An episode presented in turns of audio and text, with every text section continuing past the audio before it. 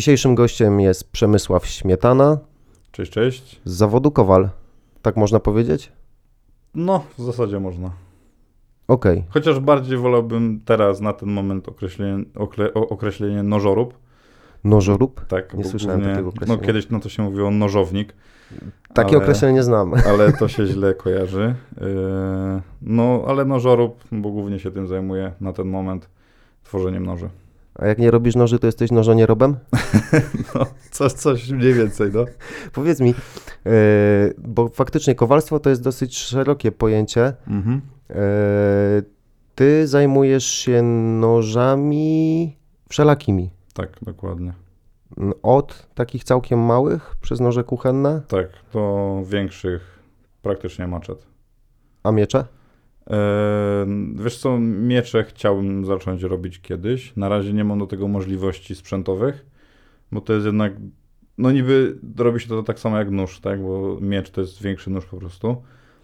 Eee, No ale jednak do tego trzeba mieć troszkę większe rzeczy. Jak już na przykład sam piec musi być dużo, dużo dłuższy, nie? A w tej chwili jak to wygląda, jak już jesteśmy przy kwestiach technicznych? W ogóle jak twoja pracownia wygląda? Bo wiesz, warsztat kowalski to się kiedyś kojarzył z takim chłopem, który siedział gdzieś tam przy stodole, podpalał coś tam No palenisko, piecu. kowadło, młotek, No, no dokładnie, nie? Dokładnie, Jak to no. teraz wygląda? E, wiesz co, cała moja pracownia e, nie jest za duża tak naprawdę. Mam dwa pomieszczenia. E, jedno pomieszczenie jest takie typowo do tworzenia noży, już do wykańczania i tak dalej, a drugie tam mam taką typową kuźnię, którą niestety jeszcze, nie, jeszcze jej nie mam odpalonej, bo tam jeszcze kilka rzeczy muszę zrobić. Jeżeli chodzi o to pierwsze pomieszczenie, gdzie głównie siedzę, e, no to co tam mam, tak, jeżeli chodzi o sprzęty, mam szlifierkę taśmową, e, piec, piec indukcyjny do całej obróbki e, cieplnej e, i frezarkę. I to są takie tak naprawdę główne rzeczy, na których operuję, jeżeli chodzi o proces powstawania noża, nie? A młot, kowadło, jakieś takie. A to no to w drugim właśnie po, pomieszczeniu. E, mam piec kowalski już typowo e, gazowy, e, do tego kowadło, zestaw młotków, potem mam jeszcze duży młot hydrauliczny, sprężarkowy tak naprawdę i prasę Jaki nacisk? e, 50 ton. Oła, palca nie wyciągniesz w całości. No nie. znaczy wyciągniesz, ale już palcem nie będzie, nie? Straszne. Wypadki jakieś się przydarzają? Zdarzyło ci się coś? Widzę, że palce masz wszystkie. Tak, palce mam wszystkie I oby tak zostało. No. E, wiesz co, takie, takie proste, jeżeli chodzi tam o jakieś oparzenia, wiesz, tam dotknąć czegoś z głupoty. E, chyba najgorszy, co miałem, to wsadziłem palec w szlifierkę i mi tak ścięło trochę. E, niefajne uczucie, naprawdę, nie polecam. Ale odrósł. Odrósł, no. I nawet nie widać, y, co, co, mnie, co mnie za- zaskoczyło. Bo dosłownie jak się patrzyło od boku, to był tak idealnie ścięty, nie? E, no ale to też przez swoją głupotę tak naprawdę jeszcze na takim pasie, gdzie jest ta gradacja taka bardzo niska, znaczy wysoka, e, więc on trze po prostu, jak już zjada, to zjada w całości. E, wiesz co, nóż mi wyjechał, e, zleciał do dołu, a ja akurat pchnąłem w tym momencie ręką i, Poszło. i poszło niestety, no. Moment nieuwagi. No, I na pogotowie. nie, wiesz co, owidałem taśmą i robiłem dalej. Na to czekałem, nie? BHP po polsku. Co się stało? Nic, straciłem palec. I co zrobiłeś? A owinąłem, wiesz, i spoko dalej. Nic się nie stało. No, stwierdziłem, ruszam, ruszam, kości nie widać. Robota robić. musi być zrobiona. No właśnie. Klient czeka. No, znaczy nie, nieprzyjemnie się pracowało, tak, no bo jednak cały czas tym palcem musiałem coś tam dociskać, a tak naprawdę musiałem to robić inaczej niż zawsze, no więc to nie było zbytnio komfortowe, e, no ale dało się przeżyć. A w tej chwili e, nad czym pracujesz? Bo mówisz, że właśnie duże, małe rzeczy, masz jakieś zlecenia, nie wiem, jest, jest jakaś moda w tym momencie, jeżeli chodzi o, o, o, noże? E, wiesz co, najwięcej no to z tego co zauważyłem, to robię tych kuchennych. Typowo kuchennych noży, prostych noży kuchennych. No bo jednak fajnie mieć, jest mieć fajny nóż w domu. Nie musieć go ostrzyć co dwa dni, tak jak na przykład te biedronkowe albo Ostrzone laserowo, tak? Lidlowe, nie wiadomo jakie jeszcze. E, więc fajnie jest mieć taki nóż troszkę lepszy. E, zdarzają się do tego zamówienia takich bardziej, że tak powiem, ekskluzywnych noży. E, takich bardziej odpicowanych. A, Pogadajmy o tym, bo jak to w ogóle wygląda? Co, co, co to jest nóż podstawowy, co to jest nóż bardziej ekskluzywny? Mm, wiesz co, jeżeli chodzi o nóż taki typowo podstawowy, kuchenny, no to na, najwięcej z czego robię to są noże szefa kuchni e, od 18 cm ostrza do 25. E, dłuższych staram się nie robić. No, Robiłem kilka razy, ale to już jest taki kolor, że tym się, nie wiem jak tym można pracować. Pewnie ktoś tym pracuje. E, typowo ze stali nie- nierdzewnej, bądź rdzewnej, bądź półrdzewnej. E, najwięcej robię z tych spół, spółrdzewnej, bo jednak mm, zauważyłem, że ludzie lubią dbać o jakieś tam rzeczy. Jeżeli mają coś w kuchni, e, jakiś tam nóż, to lubią go sobie o, o niego zadbać, nie? Tam, czyli przesmarować go sobie oliwą, żeby e, nie zaszedł rdzą e, i odłożyć sobie tam do jakiegoś tam pudełka albo szafki. Potem, jeżeli ktoś chce mniej dbać, no to stal nierdzewna. No i ta już typowo rdzewna, no to nie nadaje się tak naprawdę do kuchni. To jest ta czarna węglowa tak zwana. Tak, tak, tak. Typowa węglówka, która wiesz, y, psikniesz na nią czymś albo Mhm. kichniesz nawet, ona już zachodzi rdzą, nie? I Jutro już masz No. rudo. No, Troszeczkę. dokładnie, dokładnie. Potem do tego jest standardo, standardowa rękojeść z czystego drewna, e, bez żadnych udziwnień. No i tak, tak, tak, naprawdę- tak naprawdę tyle, nie? Będę szedł dalej. Udziwnienia. Bo kiedyś rozmawialiśmy na ten temat i, i tam się dość mocno zdziwiłem. Z czego robi się rękojeści? Tak, wiesz co, no jeżeli chodzi o takie klasyczne rękojeść, to jest klasy, klasyczne te drewno. E, potem można je zestabilizować w żywicy. One wtedy nabiera takiego fajnego połysku, jest bardziej odporne na, na wodę. Potem można robić hybrydy też z żywicą, czyli na przykład jakiś tam e, bloczek drewna zalewasz całkowicie żywicą, jakąś kolorową, no i z tego wystają takie, takie różne fajne kolorki. Potem można zrobić typową już e, żywicę, czyli jakiś bloczek typowo zrobiony z dwóch kolorów, trzech kolorów żywicy, który też mega fajnie wygląda. E, potem, jeżeli chodzi o te większe udziwnienia, o te trochę dziwne, tak dosyć mocno, Mhm. e, no to można wrzucić przekładki. Czyli na początku tam rękojeści, mm, dać jakąś przekładkę z jakiegoś takiego dosyć ciekawego materiału. Na przykład? Na przykład, no. E, tu są zęby i ciosy mamuta, najczęściej takie używane. E, poroża jeleni. E, potem, z tego co wiem, to jeszcze są kły morsa. E, to też kilka razy się zdarzyło. Znaczy, ja akurat z tego nie robiłem, ale widziałem, że ktoś z, tego robił. Mm, Z tego, na czym ja pracuję, to jest jeszcze bursztyn, koralowiec, no i ten mamut. Skąd mamuta? Z internetu, chłopie. Skąd wziąć kości mamuta z internetu? Nie, wiesz co, y, to jest zabawne, bo ja już też też się sam o tym zdziwiłem, mm, że w Polsce podobno jest jedno z większych złóż mamuta, ma, mamutów. Że Mam, podobno, eksportujemy mamuty, kości. tak, w że sensie. podobno mamy ich strasznie dużo tutaj i nie trzeba mieć na to żadnego papierka. Żeby wykopać mamuta. No, po prostu kopiesz i, i masz. I tyle. Jest tego tyle, że, że to, wiesz, jak znajdziesz, to jest twój fart, że to znalazłeś. Tam chyba przepisy, nie? Po, po, nie pamiętam w tej chwili, nie chcę ściemniać, ale coś tam chyba powyżej głębokości 2 czy 2,5 metra to już należy do państwa wszystko i tak, nie? Aha, no to, to nawet... Ale to nie ma się co przyznawać, nie? Jak kopiesz, no to sam Ko- se zmierzysz, kopnąłem nie? nogą, wyleciało. Wyleciał, patrzę, mamut, nie? No. Pani nie uwierzysz. No, nawet wiem, że mój kumpel tak zaczął właśnie yy, zabawę z żywicą, bo szedł gdzieś po Bieszczadach i właśnie kopnął w coś i nie miał tego wyciągnąć, bo go taki, tak go zainteresowało. No i pojechał, kupili łopatę z ojcem, wrócili, wykopali, to okazało, że to był cios, cios cały, no nie cały, ale cios mamuta, nie? Ja pierniczę. I normalnie odcięli kawałek, wysłali to na analizę, przyjechało, że to jest mamu i tak dalej. Mm, No i tak naprawdę się zapytali, co mają z tym zrobić. No i od, odpowiedź była taka, że mają z tym zrobić w sumie co chcą, nie? Na ścianę. Albo na nóż. No właśnie on zrobił to, poczytał, pooglądał i tak dalej, pociął to na kawałki, e, z, właśnie zestabilizował sobie w, na, e, w żywicy, żeby nie było aż, aż tak kruche, no bo to jest kamień, nie? Jednak. Mhm. E, no i zaczął to sprzedawać. I teraz w, w tym, na tym rynku siedzi już chyba z trzeci rok. Sam obrabiasz y, te, te rękojeści, bursztyny, Mm. mamuty? Tak, ja dostaję już gotowe bloczki zrobione o tam x wymiarach. Okej. Ja sobie to sklejam, no i potem na szlifierce taśmowej wszystko tam sobie formuję, nie? Czyli po prostu od ogółu do szczegółu Tak, dokładnie, no. schodzisz. Ile trwa produkcja te, takiej rękojeści, bo A samej rękojeści? Czy samej rękojeści do noża za chwilę dojdziemy, bo, bo, bo to, to, mnie, to mnie dosyć ciekawi, nie? Wiesz co? obróbka, to wszystko to, to też schnie No najprawdopodobniej. właśnie, no, w- w- czy, czy pytasz też wliczając w to czas... Okej, no to jeżeli chodzi o też czas y, sklejenia tego i tak dalej, to jest gdzieś, to są dwa dni. E, no bo pierw muszę to sobie e, przypasować do noża. No teraz pytanie, czy robię nóż typu full tank, czy nóż typu hidden tank? E, A tak, żebym zrozumiał? Okej.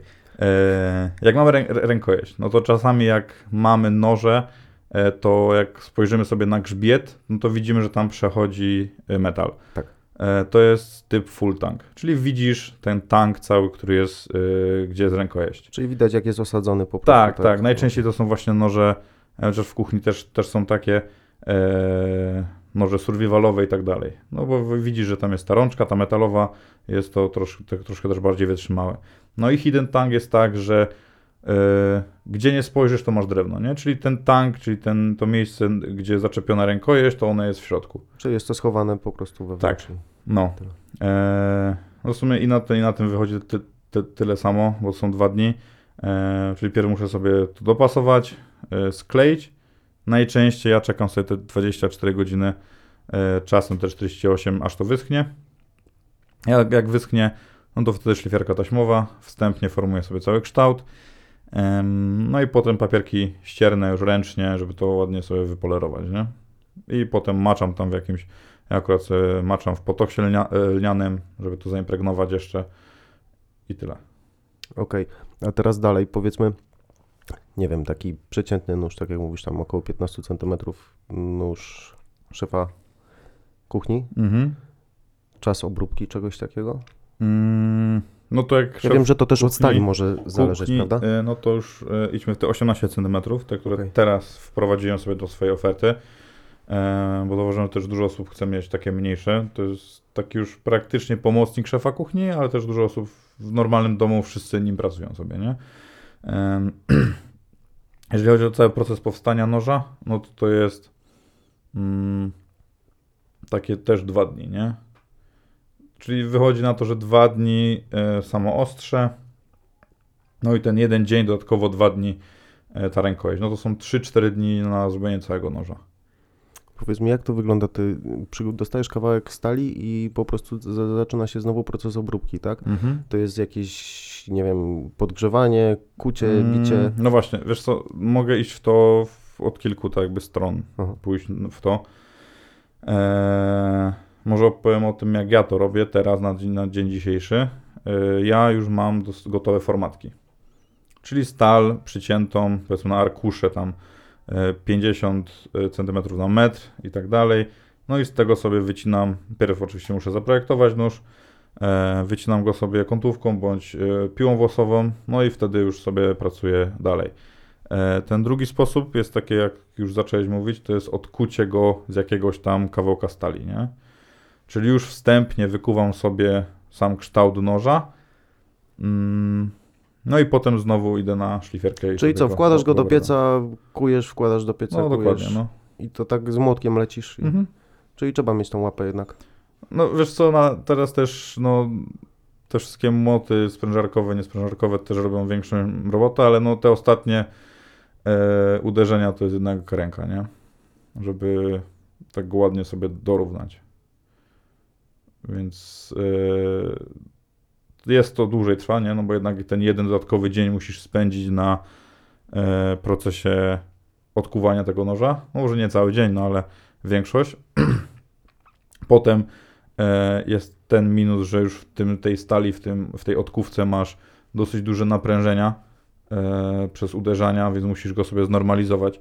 Czyli to jest proces, gdzie wkładasz e, nóż do pieca, rozgrzewasz go do danej temperatury, e, wyłączasz piec i ten nóż e, sobie stygnie razem z piecem. Czyli ma taki dosyć długi e, ten etap e, tego, tej zejścia z, tej temperatury, nie? I wtedy te wszystkie naprężenia się rozchodzą i można sobie pracować dalej, nie?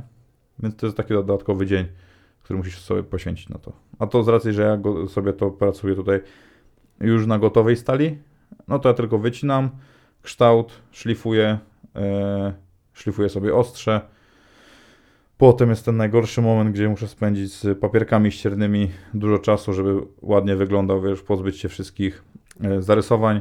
Oglądałem to w internecie, ten proces i no, wygląda to na czasochłonne, bo Mhm. siedzisz i I skrobiesz, machasz, i no i machasz. skrobiesz, no. Do zobaczenia za 6 godzin, a tam No. 2 centymetry zrobione, bo to mniej więcej tak wyglądało, jak tam No, to ktoś jest, dłubał. to, jest, to jest niefajne. To jest mój ulubiony proces, naprawdę. A który, który, który etap jest dla ciebie najciekawszy jako dla osoby, która się tym zajmuje? Tak, nie wiem, to co ty lubisz najbardziej? Kurde, wiesz co? E, najciekawsze dla mnie już jest ten ostatni etap wykończenia. Czyli już, kiedy już właśnie kończę rękojeść, już takie niuanse sobie tam poprawiam e, i już widzę, że coś z tego będzie, nie? Znaczy już widzę taki jakby efekt końcowy. Czyli jak idziesz w detal już, tak? Już takie, tak, tak, takie, tak, takie dokładnie. No. E, no też nie powiem, no lubię to robić i pracować nad takimi bardziej ekskluzywnymi nożami. E, powiedzmy z tej stali z Damastu i z rękojeściami właśnie z e, nie wiadomo jakich materiałów, bo to wtedy też, wiesz, to jest taki efekt wow, na samym końcu, że Oglądałem, jest wow. no i wiesz, oglądasz sobie i mówisz, kurde, no głupio go sprzedawać, nie?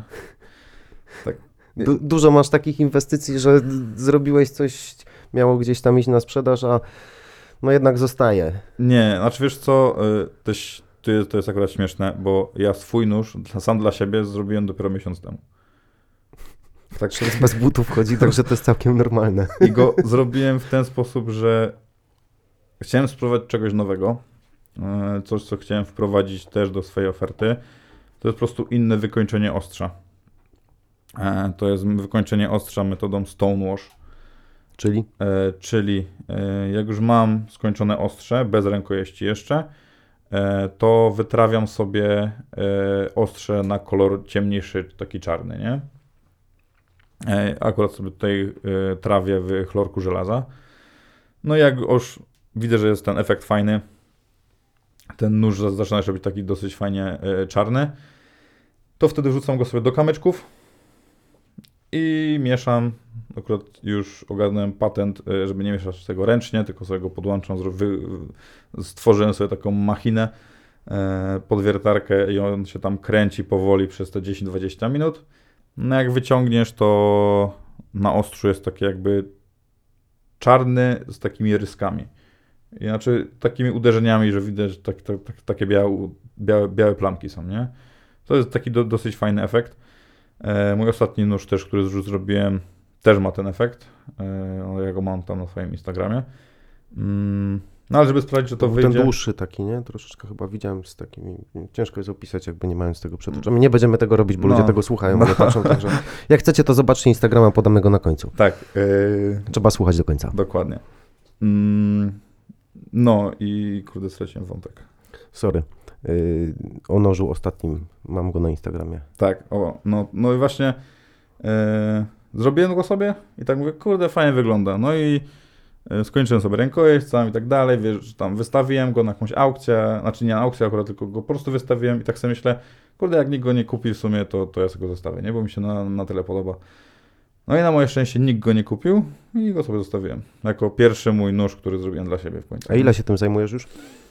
Mm, wiesz co, jako taki moment przełomowy, e, kiedy się tym zacząłem zajmować, e, to jest początek pandemii. No, Czyli dwa lata. Ponad, No. prawie, nie wiem. No, Nie wiem ile to pandemia już trwa, trochę się pogubiłem. Dwa, dwa lata będzie. Za długo. No, no ostatnio mi wyskakiwały jakieś, e, jakieś e, po, ten przypomnienia na, na, na Facebooku, że minął rok, czy tam półtorej roku, czy tam rok od kiedy rzuciłem.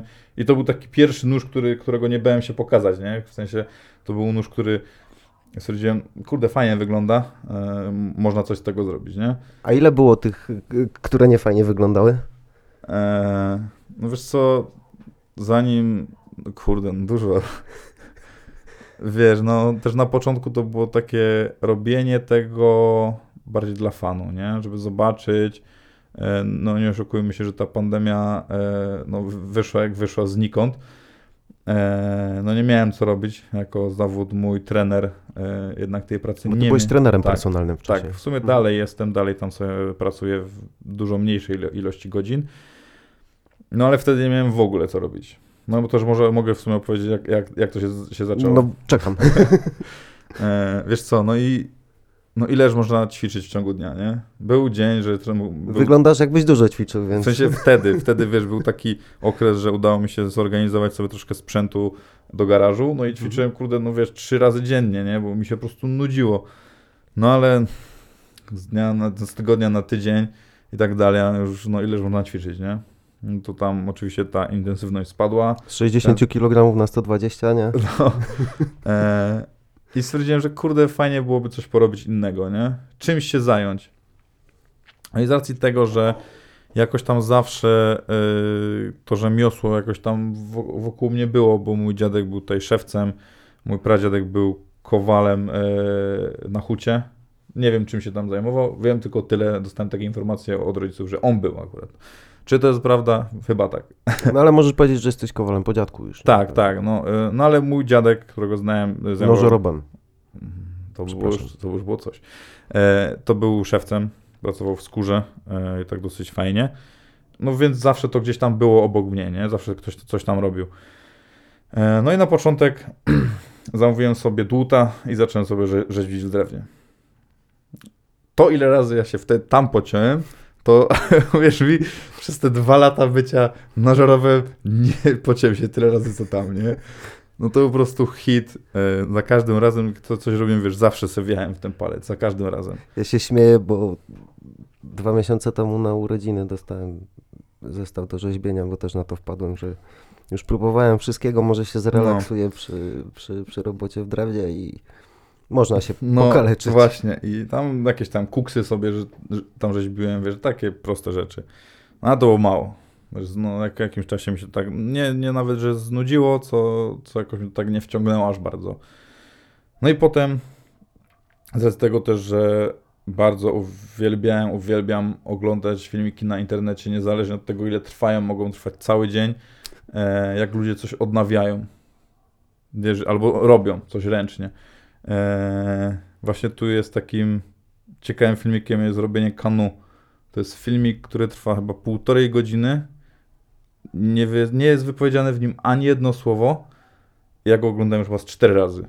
Wiesz, i gościu z takiej całej, całego drewna zaczyna ci rzeźbić kanu, to trwa chyba trzy lata i on to tam rzeźbi, rzeźbi ręcznie wszystko, nie? A widziałeś tego chłopa, który buduje w glinie na dobrą sprawę, Tak, tak, wykopuje tak. domy? To, to, to, to jakiś tam primal coś tam. Nie wiem, nie pamiętam, ale to też właśnie jakoś w okolicach pandemii oglądałem. No. No i siedziałem, no i tak mówię, no życie tu stracę, nie?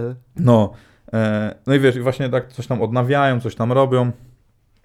I sobie stwierdziłem, a może sobie pójdę w to, nie? No i zszedłem sobie do, do piwnicy. E, znalazłem starą siekierę po dziadku. Mówię, a odnowię sobie ją. Odnowiłem, tam oczywiście papierki ścierne, kątówka, no wiesz, to co miałem pod ręką, jak- jakieś, jakieś tam pilniki. Wyszło, fajnie. Mam ją, mam, mam ją do, do dzisiaj tak naprawdę.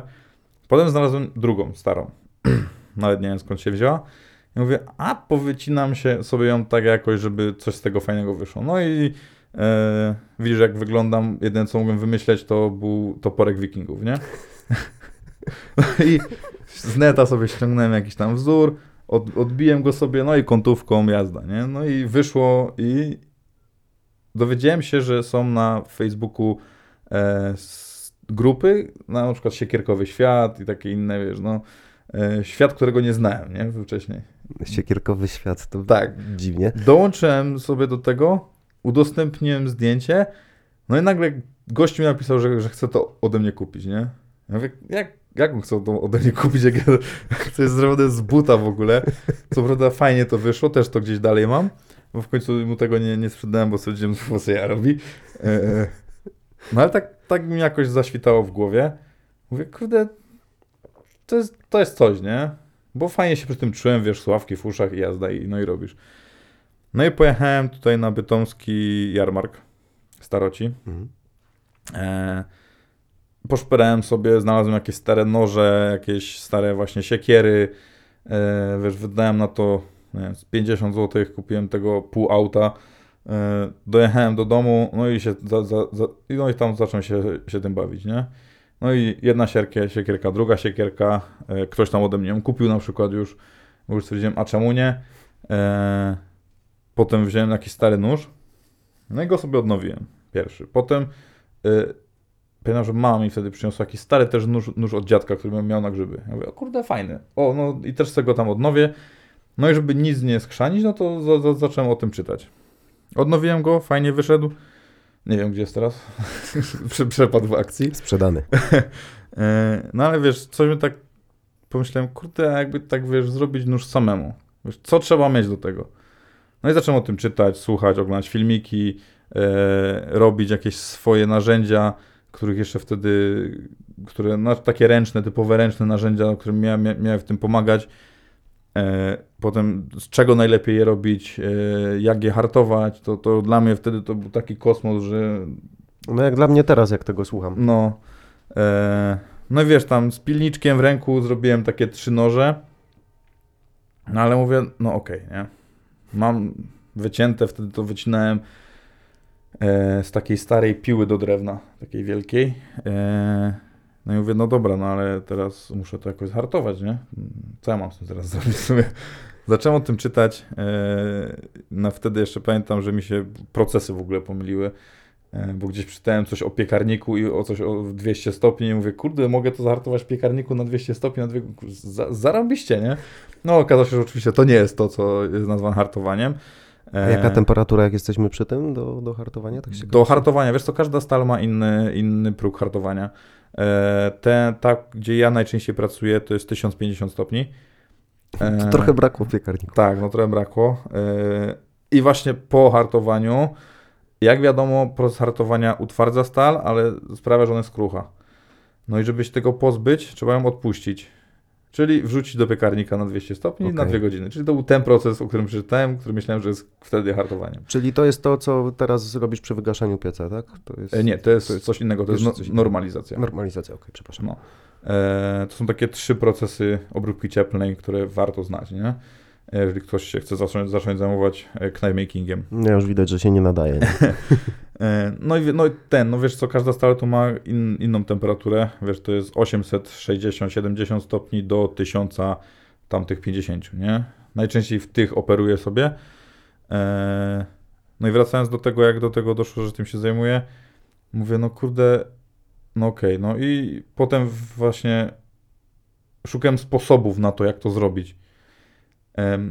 No i jeden był taki, że wiesz, stara koza, do której wkładasz tam jakiś profil, rozgrzewasz tą kozę, y, ten nóż do tego profila, to się tam zaczyna nagrzewać, e, no i potem wyciągasz do oleju, nie?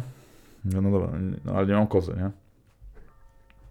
A potem jakiś filmik znalazłem, gdzie gościu w ogóle z cegieł sobie ułożył taki jakby piecyk i takim ręcznym palnikiem to robił, nie? Nie, no nie pykło. Nie pykło to w ogóle. Może dlatego, że miałem za, za cały palnik. Gościowi w necie się udało oczywiście. Tak, tak, Okej. ale różnica między moim palnikiem a jego palnikiem była taka, że jego palnik to były może z pięć takich moich, nie? Więc. E, no i potem właśnie znalazłem gościa, który właśnie tak by to zaczyna od procesu odkuwania, bo był kowalem. Ja mówię, kurde, no w sumie spoko pomysł. No i wtedy zacząłem jeździć po złomach. To, no, to był mój pomysł na życie, jeżdżenie po, po złomach. E, No nie znalazłem, bo szukałem kotliny kowalskiej. To jest, e, a jakby ci to opisać, to jest miejsce do podgrzewania e, stali, nie? Do której wsypujesz sobie koks, masz nadmuch od dołu, no i przez nadmuch, wiadomo, tlen, to cieplej, to się szybciej rozgrzewa. Okej.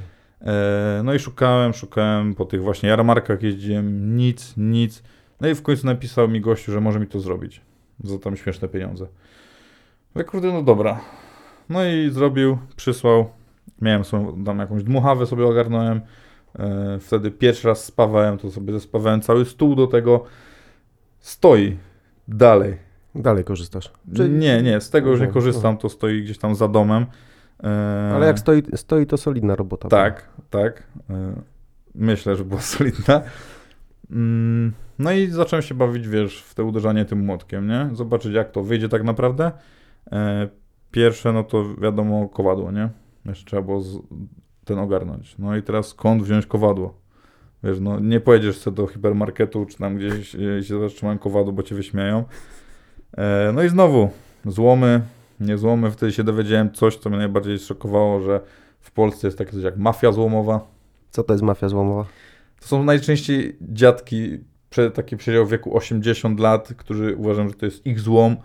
E, znaczy też to są też ludzie, którzy po prostu, wiesz, są tam dogadani na tyle, że jakieś fajne fanty zbierają i to, i to sprzedawają, nie? A później idziesz na targ staroci i też to znajdujesz. Dokładnie. I, i tam znajdujesz to samo po prostu mm, za dwa razy większą cenę, nie? Prawda? Teraz E. nas, jak posłuchają, to nas dorwą na targu staroci za sprzedanie sekretu, nie? Mm, No właśnie. No, trzeba uważać. Dobrze tam już nie przez- od jakiegoś czasu. E, wiesz co, no i tak szukałem wiesz, potem po internetach, po Allegro, ale wiesz, te ceny były takie, Jezu, no przecież ludzie myślą, że kowadło to jest od razu, wiesz, no święty gral, który sprzedajesz za miliony. E, Ale to powiedz mi, to nikt się nie zajmuje w tym momencie produkcją.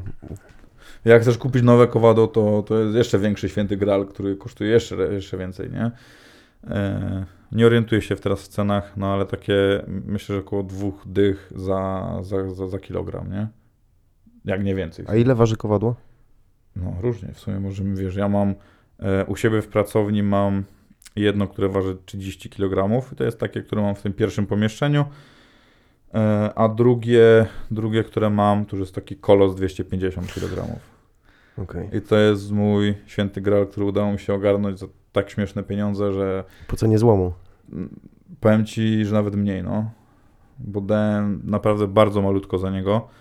E, musiałem trochę przejechać po to, akurat. E, z tym jest jeszcze lepsza e, historia, bo je, jechaliśmy do Poznania, czy tam gdzieś za Poznań w ogóle po to. No, kupę czasu je się jechało osobówką, Renault Clio. No sobie wyobraź teraz Renault Clio, które... Właśnie się zastanawiam, Właśnie- gdzie wpakowaliście to kowadło, nie? które waży, nie wiem ile to auto waży, z 600 kilo. No nie, no może więcej, No nie, tam, no. może tonę, nie? Ale No, to ale wiesz, no, jedna czwarta masy. no i w dwóch trzeba było, wiesz, te 250 kilo wrzucić do bagażnika na paletę. No i, no wiesz, no ja się czułem dosłownie, wiesz, jak z jakiegoś amerykańskiego filmu, bo jechałem tak odchylony w tył, nie? E, Podniosło. No, jeszcze po drodze panę złapaliśmy, nie no, dramat. E, ale, ale dojechaliśmy. E, no, ale pierwsze kowadło też mi się udało wyrwać za takie śmieszne pieniądze. Okazało się, że to jest takie ciężkie kowadło, w sensie do pracy takiej, żeby się nauczyć, bo to było kowadło bezrożne. E, o wadze kurde, nie wiem, no i tak ze 100 kg chyba, chyba ważyło. E, wiem, że sam je potrafiłem podnieść i wsadzić do tego, nie, do auta. Więc, więc to nie było to, to, to jakoś tam mega złe. Ale było krzywe, było tam jakieś nierówne. No ale za śmieszne pieniądze, więc stwierdziłem, że pojadę, nie? A jeszcze wcześniej pracowałem na szynie, nie? To sobie ogarnąłem szynę taką kolejową. Kolejową? Tak. Mhm. Wyciąłem ją i sobie na nie klepałem, ale uderz młotkiem w szynę, to nie będzie zbytnio miłe dla twoich uszu. Niesie się, nie? Tak. Dosyć mocno. Ale na szynie pracowałem chyba tak krótko z dwa dni i właśnie udało mi się ogar- ogarnąć to, to ogłoszenie na to mniejsze kowadło. Chyba po tygodniu, dwóch właśnie gość wrzucił, że tam za, za 1500 zł sprzeda to kowadło 250 kg, ja mu powiedziałem 1000 jestem jutro. A on mówi, no dobra, kurde, no to jadę. no i wsiadłem, pojechałem, pojechałem tam ze znajomym, który też się zaczął wtedy ty, tym bawić. E, no i tego się tak naprawdę zaczęło, nie? Bo to już był jakiś taki początek e, do tego, żeby zacząć, nie? Czy już miałem ten, tą kotlinę koksową, znaczy no kotlinę kowalską, której sobie rozgrzewałem. Bardzo ciężka praca, jeżeli chodzi o różnicę między piecem takim na koks, a piecem gazowym. Dla mnie to, jest, to było dosyć wielkie zdziwienie.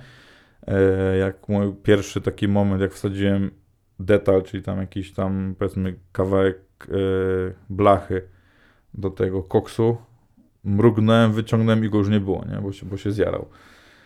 No, więc tam były temperatury, temperatury bardzo wysokie i ciężko było to, to kontrolować, nie?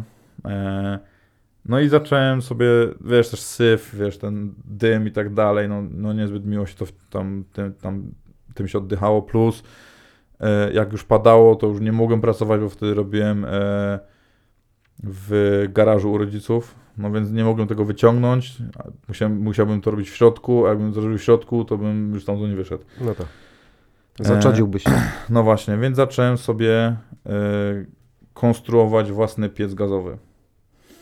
Zrobiłem go, wyszedł całkiem fajnie.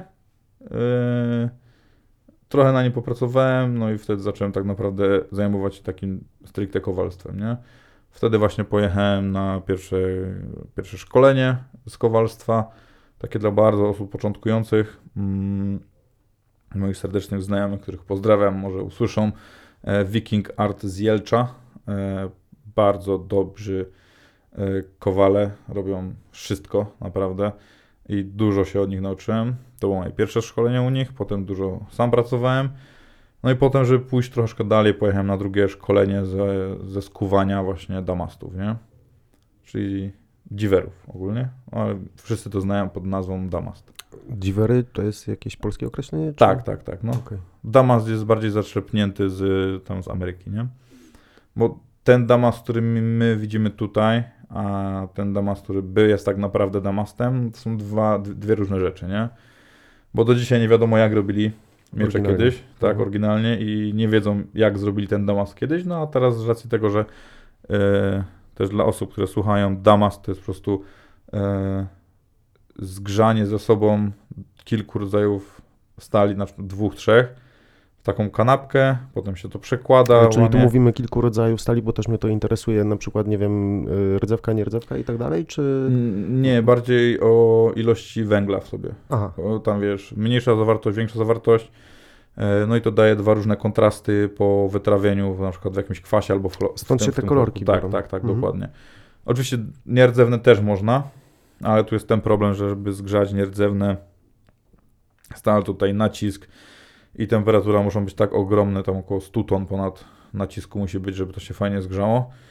Eee, więc ja raczej głównie operowałem właśnie w tych nierdzewnych, znaczy w tych rdzewnych, sorry. W nierdzewnych też miałem kilka razy styczność, ale to były tak zwane sanmai. To są tylko san, sanmai, no to to znaczy chyba trzy warstwy, czy tam jakoś tak e, po polsku. nie wiem. Coś takiego słyszałem. E, to z japońskiego jest? Tak, To tak, san tak. to jest trzy na pewno. No, tyle no to wiem. trzy warstwy. E, czyli nie ma pełno tych wzorków na ostrzu, tylko jest jedna linia prowadząca, czyli jest tak zwany rdzeń.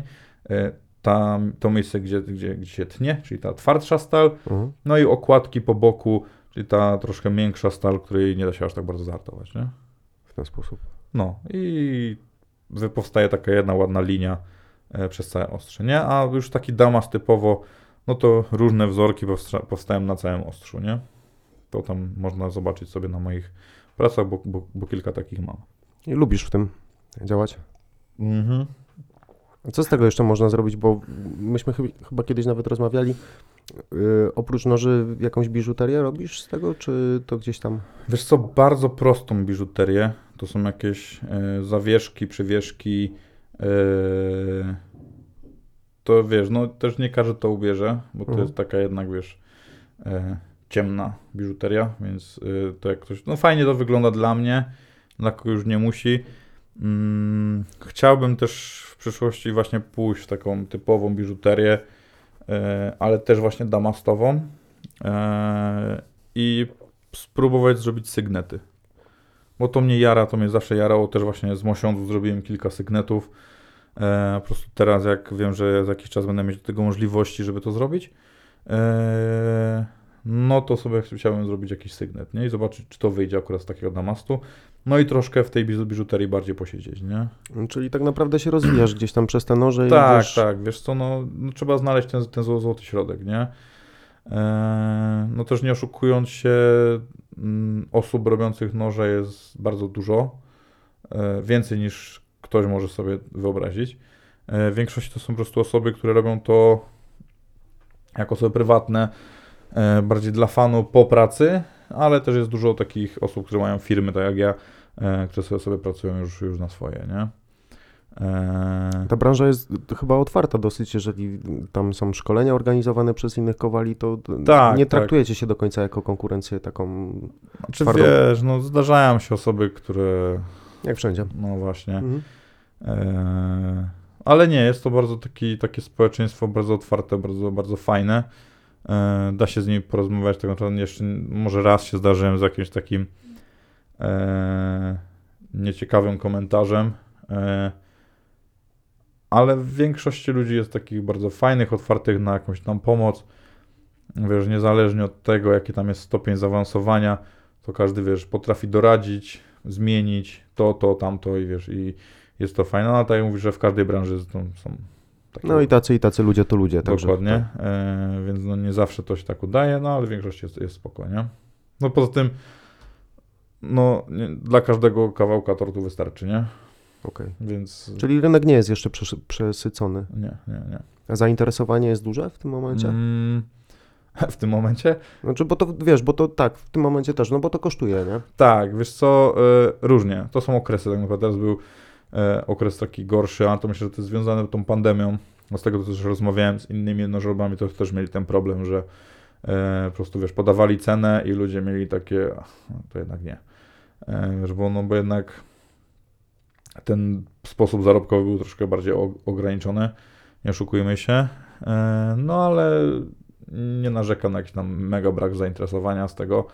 E, wiesz, dużo osób się pyta, no i tak naprawdę ja wychodzę z tego założenia, że e, jeszcze na tyle jestem nierozpoznawalny w tej branży, że to się po prostu powoli rozkręci, nie? Wiesz co, mi się wydaje, że to jest też inna kwestia, bo y, ja dlatego pytam o ten proces, bo próbuję sobie to jakoś przełożyć, ten czas, który poświęcasz, energię, sprzęt, który musiałeś kupić, umiejętności, które musiałeś zdobyć, No, no, no. Wszystko, no to się składa też na, na tą cenę. Natomiast Tak, jak wiesz- wiesz, jesteś przyzwyczajony do noża z Ikei za 30 zł i no. Ten ma 18 cm i tamten ma 18 cm. Wiesz co, e, ostatnio znalazłem taki fajny obrazek, e, właśnie odnoszący się do wszystkiego, do całego handmade'u, nie? E, nie tylko do, do noży. I tam było napisane, że w rzeczy ręcznie robionej nie płacisz za, nie płacisz za tą rzecz. Płacisz za właśnie za materiał, za doświadczenie, za tysiące nieudanych prób i tak dalej, i tak dalej. Wiesz, za wiedzę właśnie, za czas nad tym spędzony, za e, serce w to włożone i tak dalej, i tak dalej. No i ludzie też, wydaje mi się, że tego aż tak bardzo nie, nie rozumieją, nie? Bo oni widzą rzecz tylko. Osoby, które są bardziej zafiksowane tym, e, widzą tak naprawdę więcej rzeczy, tak? Czyli ten proces cały i tak dalej. Osoby, które na przykład się tym zainteresowały, zobaczyły sobie filmiki, zobaczyły jak, jak to wygląda, no ale też często ja mam tak, że muszę tłumaczyć to, nie? Znaczy, to nie jest kawałek stali, który można kupić. Ja nad tym siedzę, ja zużywam. Już nawet nie mówię o tych, wiesz, o tej wiedzy i tak dalej, i tak dalej, ale wiesz, chodzi. e, Cena gazu, nie? No właśnie, no kurwa, prądu, wszystkiego to jest, no to, to nie są tanie rzeczy teraz. No teraz to nie, to jest towar luksusowy już. No wiesz, no ale przypuśćmy, że e, sprzedaje e, swój nóż, powiedzmy nam szefa kuchni 25 cm za tą cenę 700 zł. E, no to teraz wiesz, wyliczyć sobie do tego stal, potem sa- takich samych materiałowych rzeczy, to jest stal, to jest drewno, jakaś tam przekładka z czegoś, z jakiegoś Z tam... mamuta. Nie, nie, nawet nie chodzi o to, to jakieś tam, to się nazywa G10, to jest coś jak plastik Mhm. e, jakimś, ja- jakimś tam kolorze, no to już masz trzy tam rzeczy. Powiedzmy e, stal, powiedzmy to będzie koszt około tam, nie wiem, 100 zł, e, bloczek, mm, drewna, takiego już lepszego, no bo też rza, rzadziej pra- pracuję w jakichś takich prostszych, to jest też, też, też około 100 plus klej do tego, jaki musisz, musisz użyć. No to są tylko te rzeczy, które jakby widać, nie? Tak. Teraz sobie do, dołóż do tego rzeczy, których nie widać, czyli masz wszystkie papiery ścierne, e, których jednak dużo trzeba tam na to, na, na to zużyć. Em, do tego wiertła, e, pasy e, do szlifierki taśmowej. E, co tam jest jeszcze? Prąd, gaz, No i właśnie i po na końcu, na końcu ten prąd, gaz, podatek e, od tego i to wszystko, nie? Ubezpieczenia, wszelkie inne Dokładnie. rzeczy, które potrzebujesz opłacić. E, no i to jest już takie trochę mniej, nie? Że ludzie tak, Mhm. tego nie widzą po prostu. E, no ale też myślę, że to, to tak powoli idzie w górę, że zaczynają to, to rozumieć, nie? Że jednak te... Czyli jednak gdzieś tam ludzie dochodzą do tego, że to jest rzecz zrobiona w ilości sztuk jeden. Tak. W tym tak, momencie tak, nie no. jest to seryjna produkcja w Chinach, No, gdzie wszystko wygląda tak samo, działa bądź nie działa, no to już jest inna kwestia. no, Ale jest to robione na zamówienie, na zlecenie tak. w ilości sztuk jeden, No koniec. tak, dokładnie, no. No, więc y, są osoby, które oczywiście dalej tego nie rozumieją. Jakim rzucę cenę nawet teraz tych mniejszych, tych 18 cm, które będą kosztować 500 zł. Mhm. E, z jakąś tam oczywiście z prostszych materiałów. E, no to dalej jest takie, no panie, ale za 500 zł to ja mam przez 8 lat e, w Ikei cały zestaw noży, nie? Ja mówię, no to proszę kupić te noże, no i sobie sprawdzić, nie? No, no i zawsze jest powiedzieć, no okej, okej, dobra, nie? Wiem troszeczkę jak to wygląda, bo kiedyś pracowałem w firmie, która zajmowała się sprzedażą drogich narzędzi ręcznych do warsztatu wyposażenia. Mhm. No i wielokrotnie, co prawda to już tam było z 12 lat temu, ale tutaj jakby ta mentalność się nie zmieniła, wielokrotnie słyszałem, no i co mi z tego, że ten klucz twój, no jest tam może dobry, ale on kosztuje 200 zł, a ja za to mam 10 kluczy z No marketu, właśnie, nie? no i to jest No, takie, ale wiesz, musisz potem jechać do gadanie, nie? tego marketu i no, to już jest tam tłumaczenie, nie przetłumaczysz. Jak już słyszysz coś takiego, to jest koniec tematu. No. No, Nie ma sensu. Nie, nie, niestety, nie, tak wygląda. No ale powoli tego ludzie dochodzą. Też dużo większość osób, jak to wytłumaczę, to to zrozumie i mówi, no rozumiem, rozumiem, no ale jednak nie mogę sobie, sobie pozwolić na taki Po koszt. prostu. Okej, rozumiem, szanuję. E, kilka razy miałem tylko sytuację, no to było na samym początku, jak jakby, no może nie na samym początku, ale jak zaczynałem, że kilka osób u mnie za, zamówiło nóż. Ja mówię, no dobra, to zaraz ci wyślę cenę. Nie, dobra, dobra, rób, rób nóż, rób nóż, ja go biorę na 100%, nie? Zrobiłem nóż, podaję cenę, a ty się mnie pyta, ale co tak drogo? Jak drogo? On, no, no drogo, no. Co, co ty sobie ja ze mnie robisz? Ja mówię, no ale to ile ty co zmyślałeś? Nie wiem, ze 100, 150 zł? Ja mówię, no chłopie, przecież mnie sam materiał wyszedł więcej za to, więc... No i... Jest problem ze świadomością gadanie, tutaj nie? często. Nie? No, więc teraz też trochę zmieniłem politykę, jaką biorę za takie zamówienia, więc... A jak to wygląda? Robisz coś mm, inaczej, bo pewnie robisz i tak, i tak. Bardziej tak na, na, na zamówienie, w sensie, że według jakiejś koncepcji mm, klienta, czy to są twoje pomysły głównie? Mm, wiesz co, yy, nie lubię jak ktoś mi na przykład wysła nóż gotowy. Okej. W sensie znalazł nóż w internecie od jakiegoś makera Zrób mnie to. i mówi, zrób takie coś. Ja mówię, no ale wiesz, no, no nie mogę. To jest plagiat, nie? To, No. to jest, ja też wiesz, e, zdarzyło mi się robić i to zrobiłem tak naprawdę dla siebie, e, jako nie na zamówienie, Mhm. e, kilka, może chyba jeden czy tam dwa noże takie, ale to pisałem do, do tych makerów, nie? To były na przykład taki Cask Knife, to jest facet, nie, no, chyba nawet nie wiem skąd, ale gdzieś tam z Ameryki, no, który robi takie, takie noże, że po prostu wiesz, głowa siada, nie? Ja bym tym nożem nic nie robił, ja bym go po prostu położył w sejfie, niech tam leży. E, no to to zrobiłem, ale napisałem sobie do niego na spokojnie, czy mogę go zrobić, mogę sobie, ale bardziej, że zainspirować się nim. Mhm. Powiedział, nie ma problemu, nawet sam mi zaczął udzielać e, porad, jak mam go wykańczać, nie? Co... Czyli otwarte środowisko. Tak, tak, bardzo fajnie. E, Drugi też e, bardzo fajny maker, też nie pamiętam skąd. E, też napisałem do niego wiadomość, czy mogę się zainspirować jego pracą. To samo zrobił. E, więc no okej, nie? Ale to robiłem bardziej dla siebie. I potem ktoś tam coś kupił. Ale jak ktoś mi wysłał, wiesz, tam z, Google albo tam z Pinteresta jakieś zdjęcia, no to ja mówię, że mogę zrobić coś podobnego. Tak, mogę zachować kształt, e, ale już wykończenia, jakieś tam inne niuanse, to, to, sobie pozmieniam, nie? Też często pytam, czy ktoś mi daje wolną rękę do tego. Tylko pytam się go o odcień, e, powiedzmy, rękojeści się pytam, czy daje mi wolną rękę. Jak mi daje wolną rękę, fajnie, bo lubię tak, tak, takie coś robić, że robię coś sam, a nie ze ściśle ustalonego tego, tego projektu. E, wiadomo, no, że kuchenne tutaj się mają swoje prawa, e, bo jeżeli ktoś mi pisze, kto pracuje z nożami, no to mi pisze, że e, nóż dla osoby prawo bądź leworęcznej, e, długość taka i taka, najlepiej waga taka i taka, nie? No to w to już muszę, muszę się wbić i najczęściej robię jeden typ rękojeści pod noże kuchenne, który jest najbardziej uniwersalny. E, to są takie e, raz, dwa, trzy, cztery, pięć, sześć, siedem, osiem. Ośmiokąty, nie? Musiałem sobie na szybko policzyć, żeby, nie wyszło. E, no i wiesz, no to pasuje do prawej ręki, do lewej. Oczywiście są potem e, specjalnie formowane e, noże pod prawą rękę, pod lewą rękę, to są bardziej w takiej literę D rękojeści, które się po prostu lepiej układają w, ręce, no ale to tak jest Nie wiedziałem o tym. no. E, no, no i potem jeżeli chodzi o szlify ostrzy, no to też może jest prawo i lewostronny, nie? Dla osób praworęcznych bądź leworęcznych, nie? No, powinno to mieć znaczenie, jak powiem ci, nie wpadłem na to, nie zastanawiałem Ale się. to jest- są Wydawało mi bardziej- się, że nóż to może. Bardziej osoby, wiesz, które pracują na kuchni. Zawodowcy. Jed- Tak, jednak te, Mhm. ta praca ma dla nich znaczenie i te pracują z nożem powiedzmy te 8 godzin dziennie, nie? No tak. Więc no. E... Jeszcze pytanie, mógł przypomnieć. Wiesz co, pytanie to gdzieś tam już dawno, da, da, dawno się rozjechało, nie? No.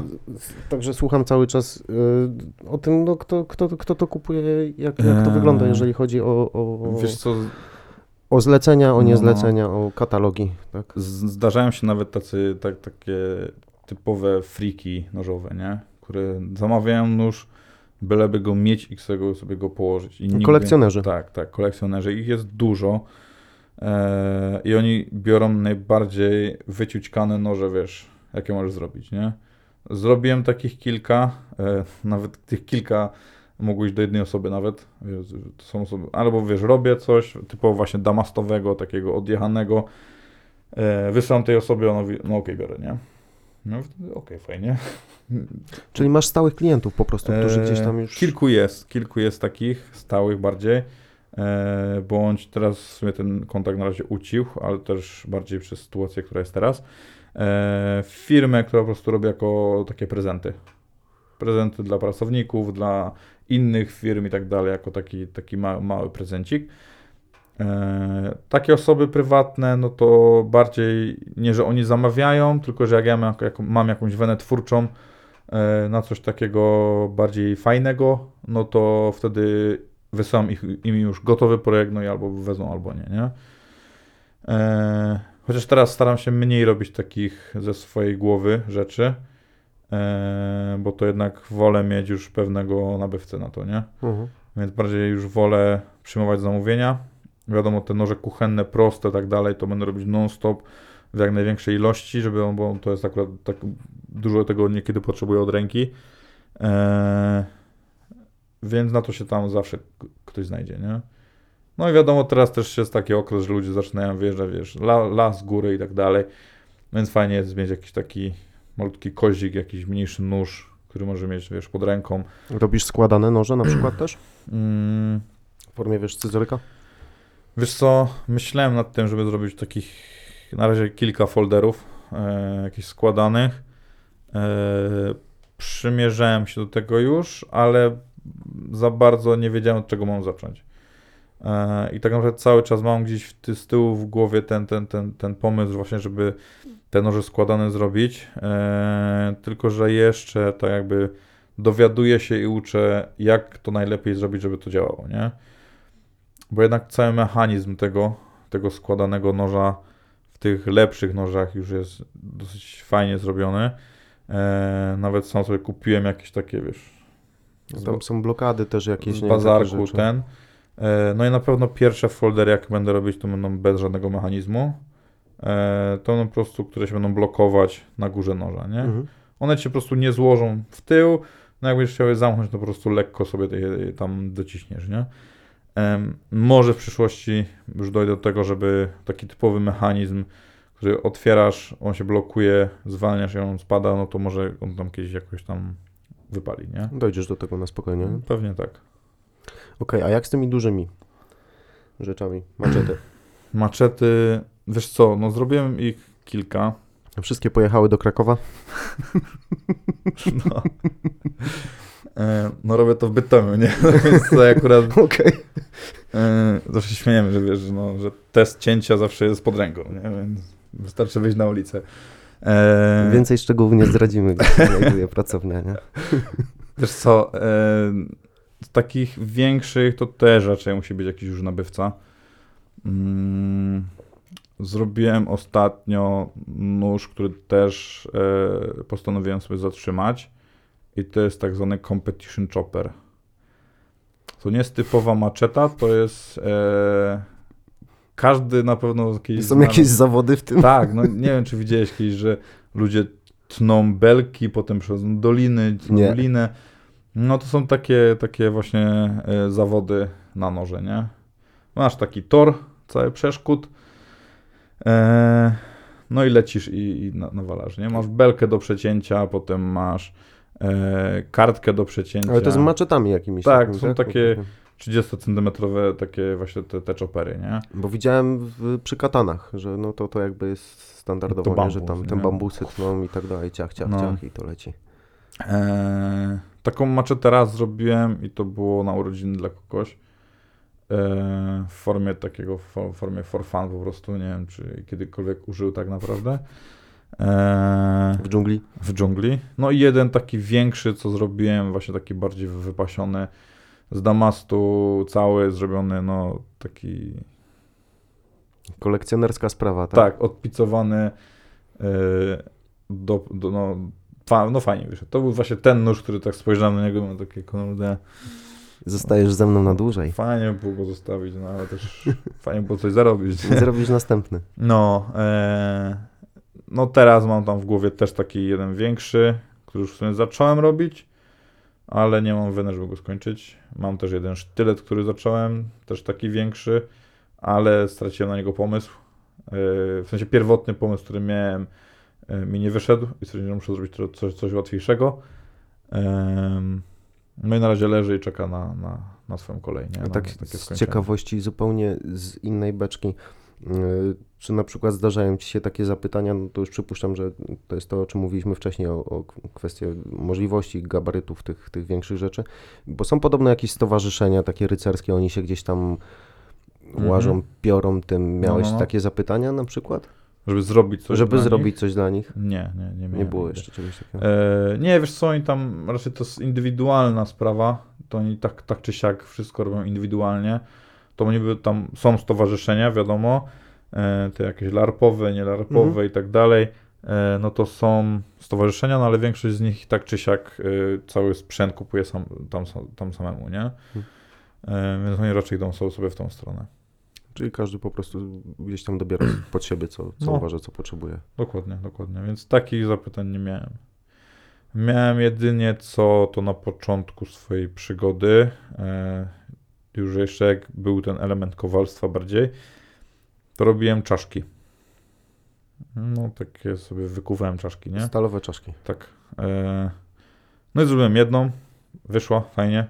E, zrobiłem też twarz starca, e, też jest na Instagramie, gdzieś tam. Tego akurat nie kojarzę, będę musiał się cofnąć. Albo nie ma, nie wiem. Nie pamiętam, czy wrzucałem, czy nie. Nawet dzisiaj przeglądam, nie pamiętam, pewnie bym zwrócił uwagę. To może, no, ale gdzieś mam to zdjęcie, to ci No będę, i tam- wyślesz. to ci będę mógł podesłać. E, no i typ mi napisał, że potrzebuje 20 takich, nie? Na jakieś tam sprawy larpowe, bo jest druidem czy kimś tam i, i potrzebuje Potrzebuję. takie czaszki, nie? Takie malutkie. Dobra. No i wtedy wiadomo, siedziałem, zrobiłem to. Fajnie wyszło, mówię okej. Wysłałem. Fajnie, nie? A to był taki e, okres, że tak by uczyłem się symetrii, wiesz, e, pracy z młotkiem bardziej, jak uderzyć, gdzie uderzyć, co zrobić, jak zrobić, tak dalej, nie? No dla mnie tak szczerze to ta symetria to jest trochę problem, bo wiadomo, że gdzieś tam któraś półkula jest bardziej rozwinięta u ludzi No. i nie masz z tym problemu, tak gdzieś, żeby tą prawą z lewą, no to jest kurczę Wiesz trudny co, też materiał, nie? To Jest, jest, takie, no bo jednak... E, to już jest sztuka troszeczkę. nie? Zdarzają się, wiesz, momenty, że jednak no, prawa rączka nie, nie współgra tak, aż tak bardzo z lewą. E, I na przykład po jednej stronie, na przykład wiesz, rysuję sobie linię, jak będzie szła tra- krawędź tnąca na ostrzu. E, no i powiedzmy jest do połowy, do połowy ostrza, nie? No i prawa idealnie, fajnie prosto, idę na lewą, robię, robię, robię, nagle tu patrzę, już jest kuwa wyżej, nie? Mówię, kurde, Jeszcze no i znowu wracam do prawej i tak, że od połowy miało być, a jest na tam jedna czwarta zostawione, nie? No ale to wiesz, to, się, to są jednak to takie momenty, że po prostu chwila nieuwagi, tak? To jest też moja wina często w tym, że się zamyślę, pomyślę o czymś innym i no i już to się tam idzie, nie wiesz, muszę coś zmienić, nie? Ale to są, wiesz, elementy, które no po prostu zmieniam w trakcie, nie? Ten, ta linia szlifu po prostu podciągnięta tam ten centymetr, pół centymetra wyżej, to tak naprawdę nie zmienia nic w nożu nie, tam jakiś efekt tam wizualny, nie? Więc, no ale są, no to jednak, Co jest dla Ciebie najtrudniejsze w tym momencie, największym wyzwaniem przy tej produkcji? Bo no, sam proces tego, co mówisz, bardzo dużo informacji, Mhm. bardzo dużo sprzętu. Najtrudniejsze. Może nie najtrudniejsze, co najbardziej monotonne, to jest e, element satynowania. I to myślę, że to jest zmora większości osób. Czyli znowu to To jest tak, usuwanie wszystkich e, rys po taśmie e, ze szlifierki, tak żeby ładne szły wzdłuż ostrza, a nie tam w poprzek, e, żeby to ładnie wyglądało, nie? Więc myślę, że to jest akurat zmora każdego. Teraz już na tyle to sobie wyrobiłem, że wiem jak to w miarę szybko, ładnie przyspieszyć. E, na początku to była taka zmora, że uff, o Jezus. No wiesz, trzesz, trzesz, trzesz, a potem doszedłem do tego, że są też inne pasy o innej gradacji, które mi jeszcze to zmniejszą i po prostu, zdradzamy, nie? tak. E, no ale to myślę, że to jest taki efekt, który nawet nie, że sprawia mi to problem, tylko po prostu nie lubię. I tyle. No, wiesz, wiesz. Na początku też właśnie to było szlifowanie już krawędzi, krawędzi tnącej, nie? E, to też mi tak troszkę na początku nie wychodziło. E, teraz zacząłem pracować dużo z ręki, e, bo jeżeli masz profil ostrza, masz już gotowy wycięty nóż, no to musisz zrobić krawędź, krawędź tnącą, nie? No i teraz masz do tego urządzenie, tak zwany jig. E, To jest najprościej mówiąc kątownik e, z dwoma śrubkami, żeby ustalić sobie wysokość. Ustawiasz, no i masz już pod jakimś tam kątem, przejeżdżasz do szlifierki i ci się robi ten, nie? E, ta krawędź. Ja osobiście teraz robię to z ręki, nie używam te, te, te, tego, tego czegoś. Jakoś nie umiałem na tym pracować nigdy. Nie wiem, nie wiem, czy ze mną było coś nie tak, że po prostu to było jakoś Czy z jigiem. czy, czy, czy to było jakoś z dupy, no ale nie, no nie wychodziło mi to. E, no i zacząłem sobie pracować z ręki, też zauważyłem, że dużo takich makerów na świecie e, lepszych robi to z ręki, więc stwierdziłem, no kurde, oni potrafią to też, nie? Fach w łapie jednak, nie? Trzeba się uczyć. Tak, no wiesz co, też łatwiej manipulować tym nożem, on nie jest, wiesz, ściśle w jednej płaszczyźnie, możesz nim tylko sobie operować, tylko zawsze możesz sobie tam lekko go poprawić, tam, wiesz, nachylając ten nóż, nie? Więc staram się tak to robić. Eee, Jest coraz, coraz lepiej. Jak testujesz ostrość takiego noża? E, Ostrość czy wytrzymałość? Ostrość. Ostrość. Mhm. No to jak już sobie naostrzę, mam dwie ostrzałki w domu, jeżeli chodzi o sposób ostrzenia. Mam szlifierkę wolnoobrotową wodną e, i taki system ostrzący TS Proof. E, chciałem powiedzieć, że to jest rosyjski ten, ale no teraz... Teraz nie wypada, no ale jak jest, no to wypada. trudno, no.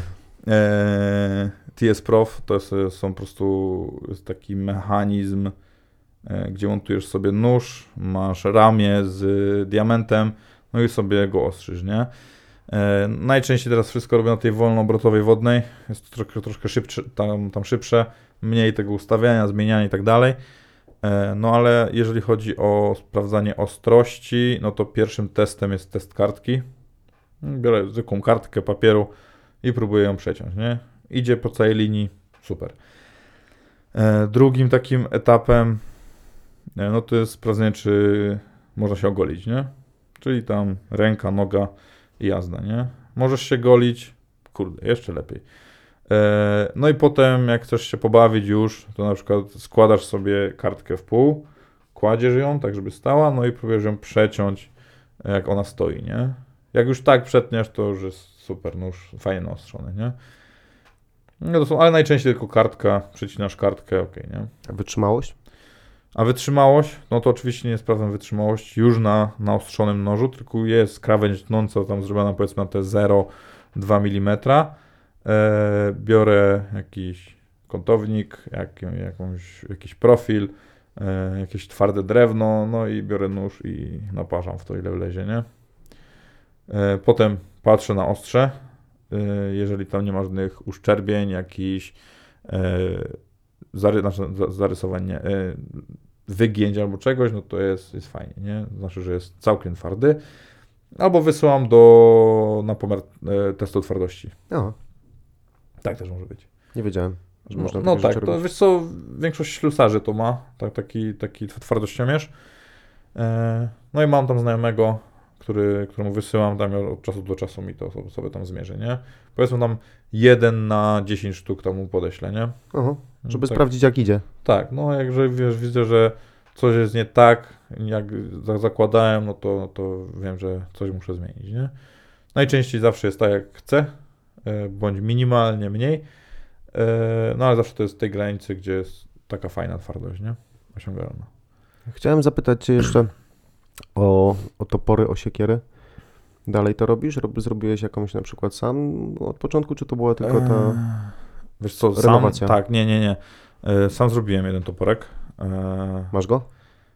w domu. No. Mam go w aucie. Masz go w.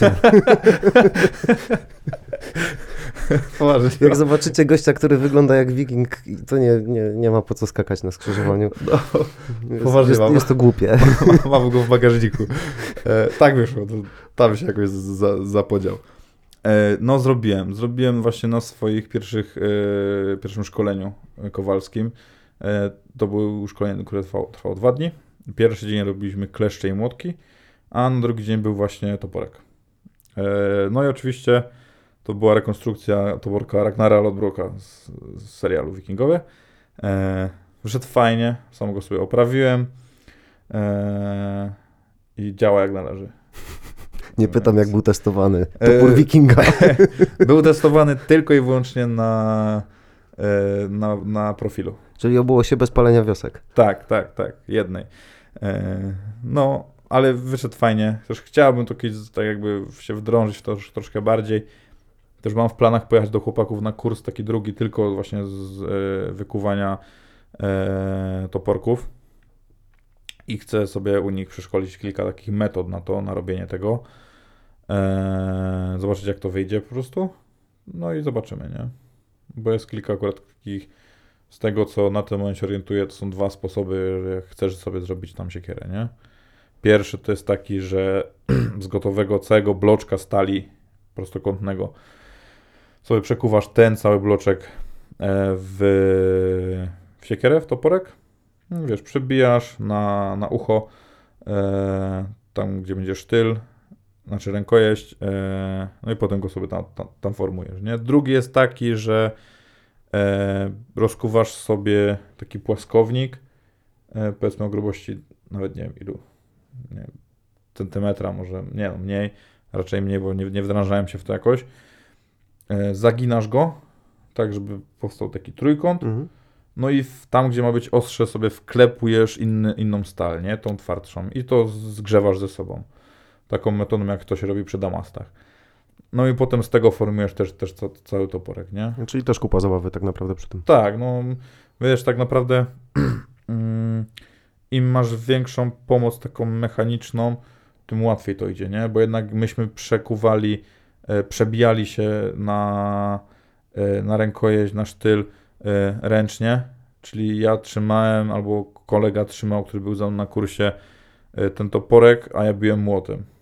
Wiesz, i to było droga przez mękę, nie? Jeszcze wtedy traf, wiesz.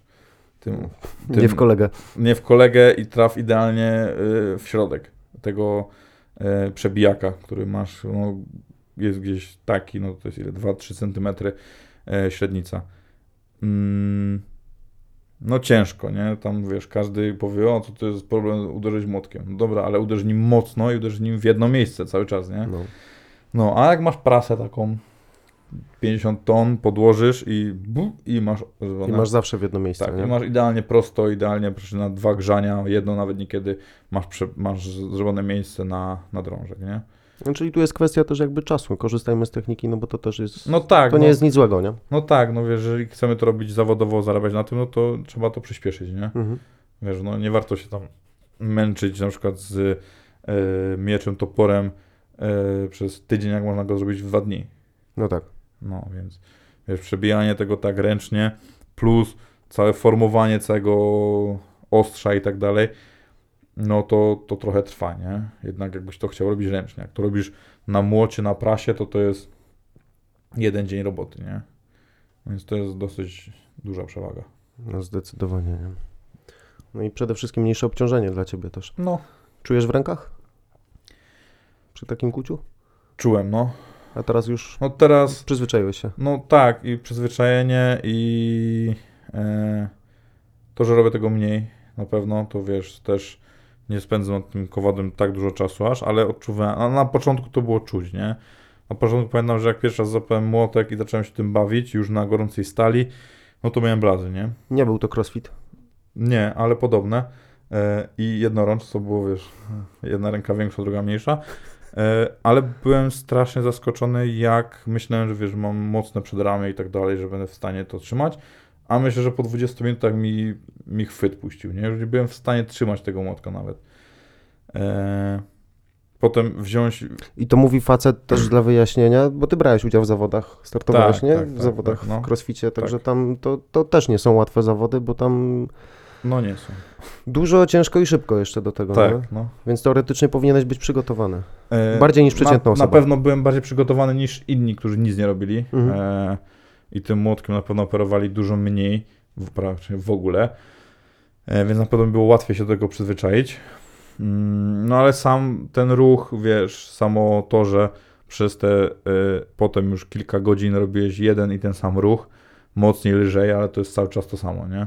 Więc pamiętam, że po pierwszym dniu takim, gdzie kułem więcej, e, bo wtedy uczyłem się kuć listki, takie wiesz, proste Mhm. zawieszki, e, to miałem blazy na dłoni.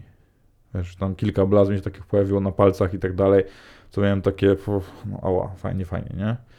I trzeba było zrobić dwa dni przerwy. Można było myśleć, że drążek do podciągania jest w stanie ci takie odciski zrobić, a tu się Tak, okazuje, a że tu, młotek a, jest a tu lepszy. młotek, nie? Plus kiedyś, e, jak już myślałem wtedy, że coś umiem zrobić, oczywiście to było złudne, i mówię, dobra, to jest ten moment, żeby zrobić sobie miecz, nie? E, załatwiłem sobie e, jakiś tam kawałek stali, to było pióro z tych, e, z resora, Aha. e, jakoś tam go przycinałem i dzwonię do kumpla, e, mówię, ty, umiesz bić młotkiem? No tak, nie? Mówię, no dobra, to dawaj do mnie, nie? Wiesz, no coś tam, na początku wiesz, śmiech, coś tam, a bo kto, nie umie uderzyć młotkiem, nie? I się okazało, że to jednak nie jest takie wcale. Biliśmy na, na dwa młotki, tak? Czyli ja trzymałem stal i ja biłem jedną ręką, a on, on miał drugą. taki 9-kilowy większy, którym też bił, nie? No to tak, wiesz, się zdziwiliśmy, nie? Nie wyglądało to jak na filmach. Ping, ping, ping. Może ping. przez pierwsze kilka uderzeń, wiesz, Okej. potem było, puf, jeszcze wiesz, na początku miał problem z trafieniem w ogóle w to, nie? Więc wiesz, tu śmiejemy się, śmiejemy, ale no jednak e, jak nie operujesz tym młotkiem na co dzień e, i uderzyć z dużą siłą w miejsce, gdzie chcesz uderzyć, to się jednak ro, ro, robi problem, nie? Wydawałoby się, że, że instrukcja obsługi młotka jest dosyć prosta, nie? No, zamachnij i uderz, nie? No. No a tu wiesz, nie zawsze pójdzie tam, gdzie chce, czasem się młotek skręci i odbije go w ogóle w Jak ktoś przestrzeń. wbijał kiedyś gwoździe w cokolwiek, to wie, że można nie trafić. Nie? No właśnie, nie? A teraz jak młotek waży trochę więcej No. niż przeciętny tam, nie wiem, kilogram. I on też właśnie, wiesz, po tym jednym dniu gada, że ma obie ręce w blazach, nie? Ja mówię, o, fajnie.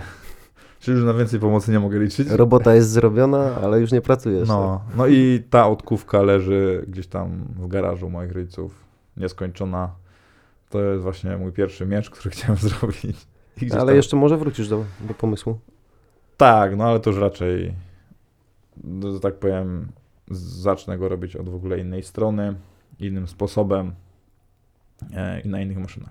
A powiedz mi jeszcze, bo poruszyliśmy ten temat wikingów, no to widać na ciebie, że, że, że, że lubisz te klimaty. No, no. widać po tobie, że lubisz te klimaty i to tak dosyć ostro. No, mo- może być widać. Może być widać. Y, morsujesz? Wiesz co, w tym roku byłem chyba tylko dwa razy, ale wiesz co, Jezu, ja zacząłem morsować jak jeszcze... Jak jeszcze to nie było jak modne. Jeszcze, jak jeszcze to nie było modne, wiesz, to myśmy mieli taką ekipę trzech osób w ogóle i ludzie się na nas patrzyli jak na kompletnych debili.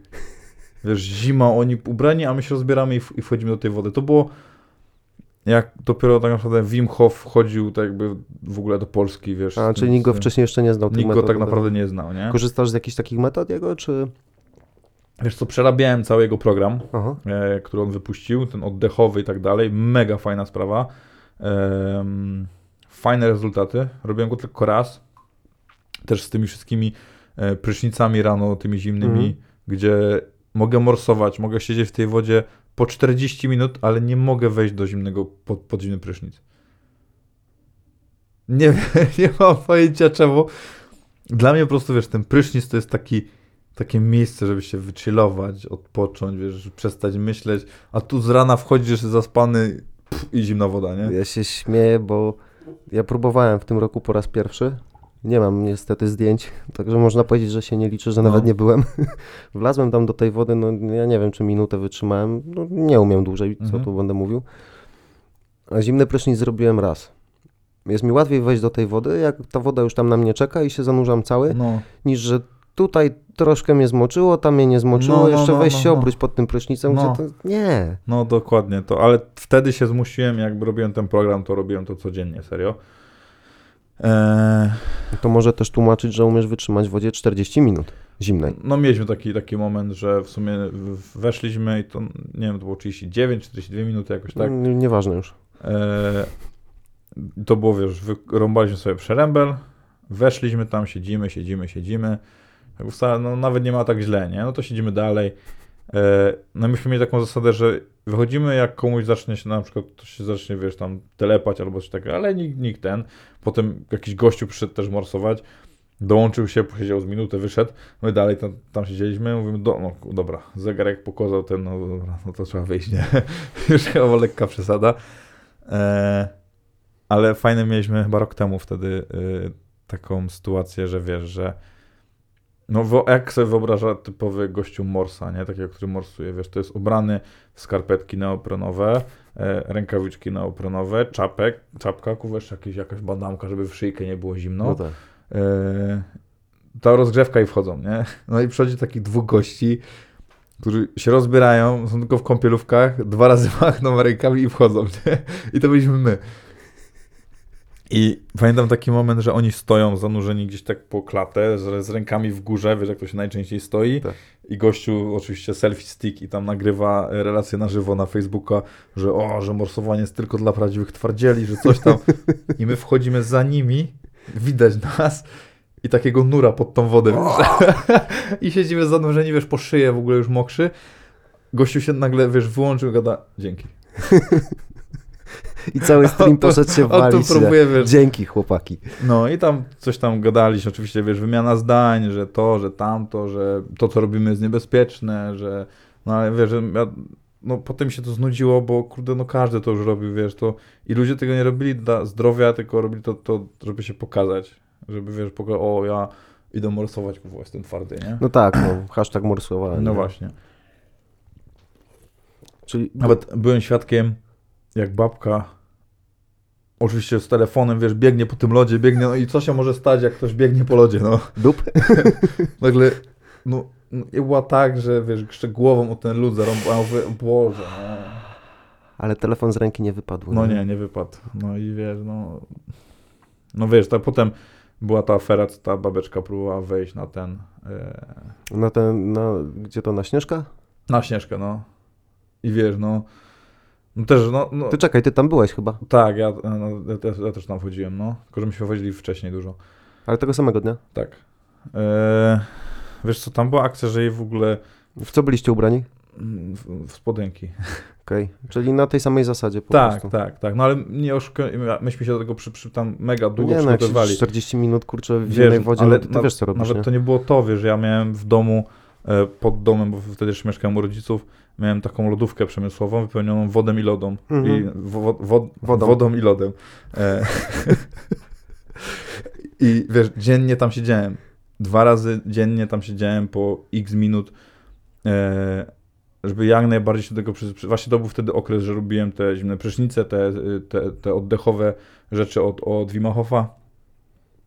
I dopiero po tym, jak po tym całym przygotowaniu, po tym całym cyklu, ja dopiero tam odważyłem się później.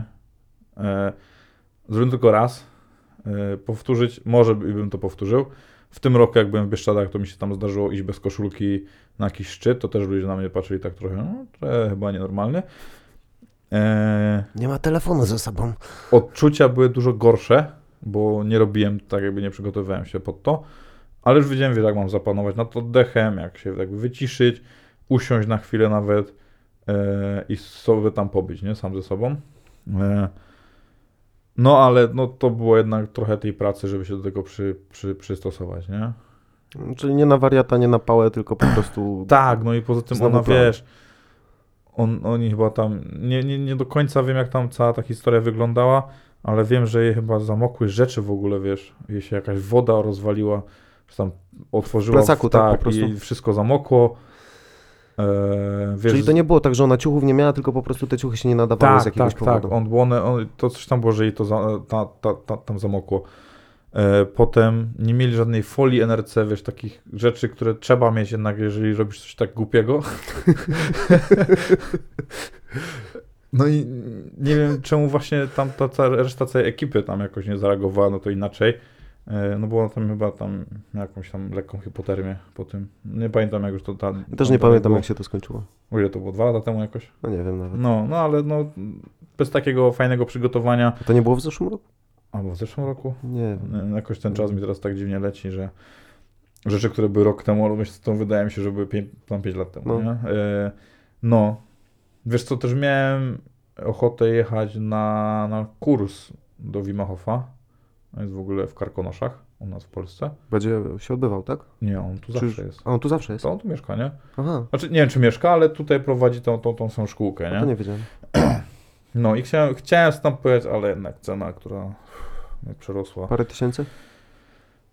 Z tego co ja to oglądałem, to było 3000 dolarów Ała, za chyba tam dwa tygodnie. ała, ała. I to jest dwa tygodnie, że siedzi, kuźwa, zimno ci. W przeliczeniu na noże, nie?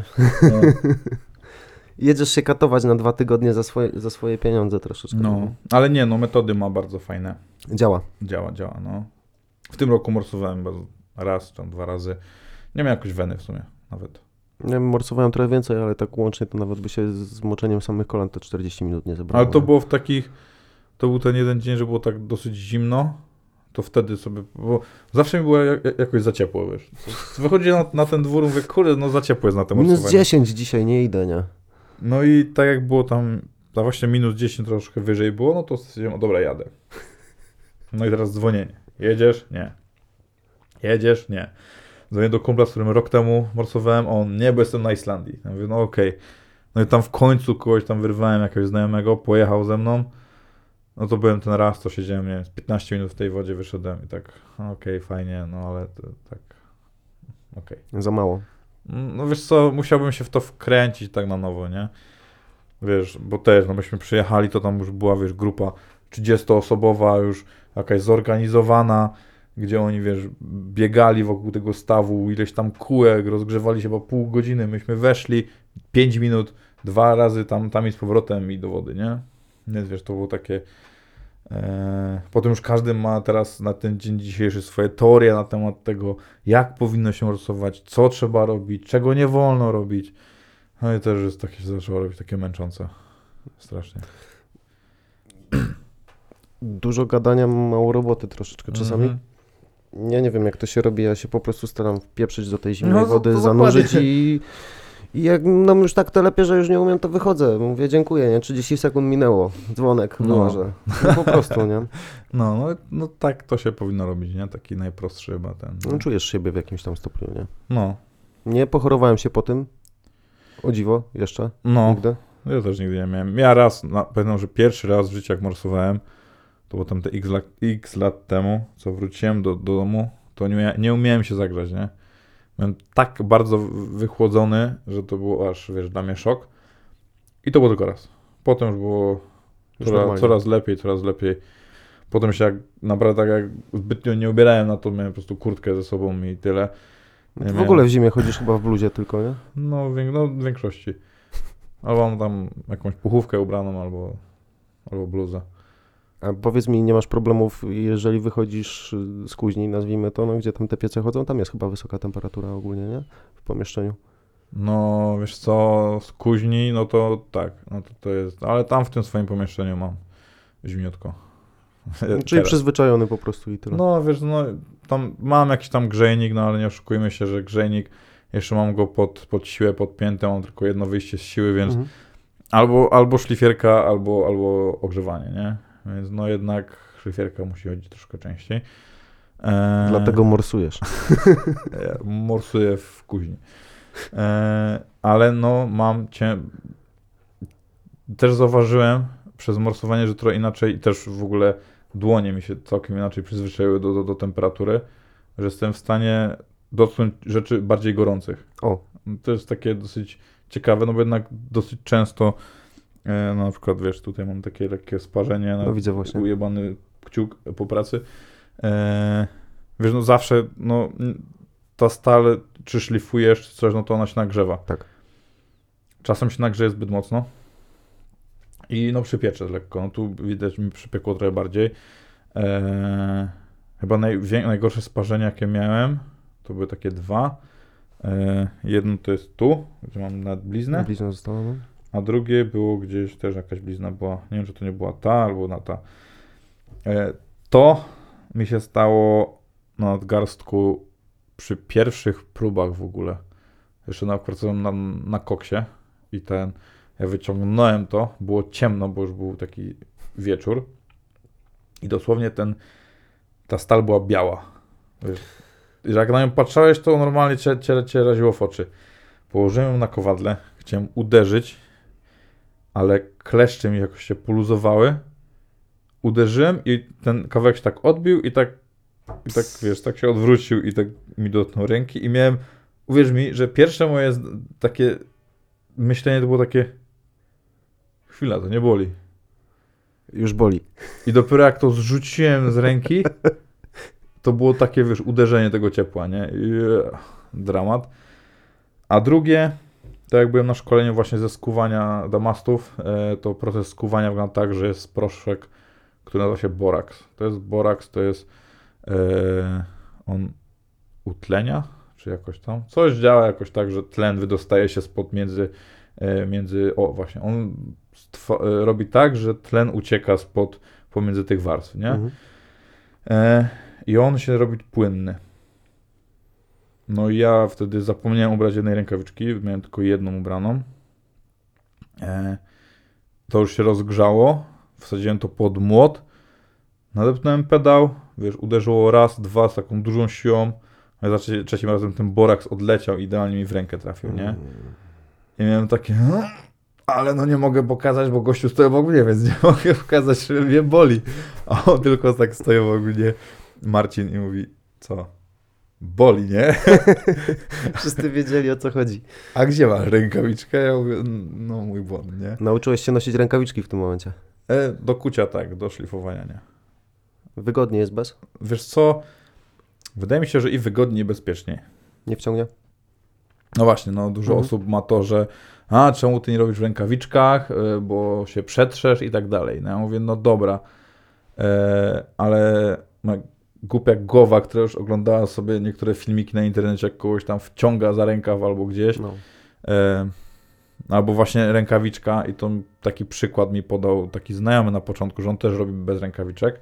Potem jest mi niewygodnie, to po pierwsze, a po drugie taki element tego bezpieczeństwa, że no jednak jak wciągnie tą rękawiczkę, nie daj Boże ona się zaciśnie na nadgarstku, no to już ciężko będzie ją wyciągnąć. Musisz wyłączyć i jak to dopiero zwolni, no to już nie masz pół palca, nie? Jak zdążysz wyłączyć. Dokładnie. Znaczy no to szlifierka to akurat A to wiesz, tam no. sięgniesz. No. E, A no jednak jak wiesz, jesteś bez tej rękawiczki, no to już czujesz każde pierwsze takie Mhm. zetknięcie z tym, nie? Że już tam ten, tą, tą rękę tam odrzucasz. A z tą rękawiczką jednak nie, po pierwsze nie czujesz tego, bo ci wpierw wciąga rękawiczkę, a jak już ją przyhaczy, no to już jest, No, możesz nie wyrwać, bo ci skręci po prostu i zostanie tam palec, nie? no właśnie, nie? Wiem, trochę pracowałem przy stali, to No, no. wiem, co się może dziać. No i gdzieś był taki moment, że chciałem się nauczyć pracować na tokarce. No i zobaczyłem jeden filmik i stwierdziłem, a Jak zresztą- gościu traci to- palce, tak?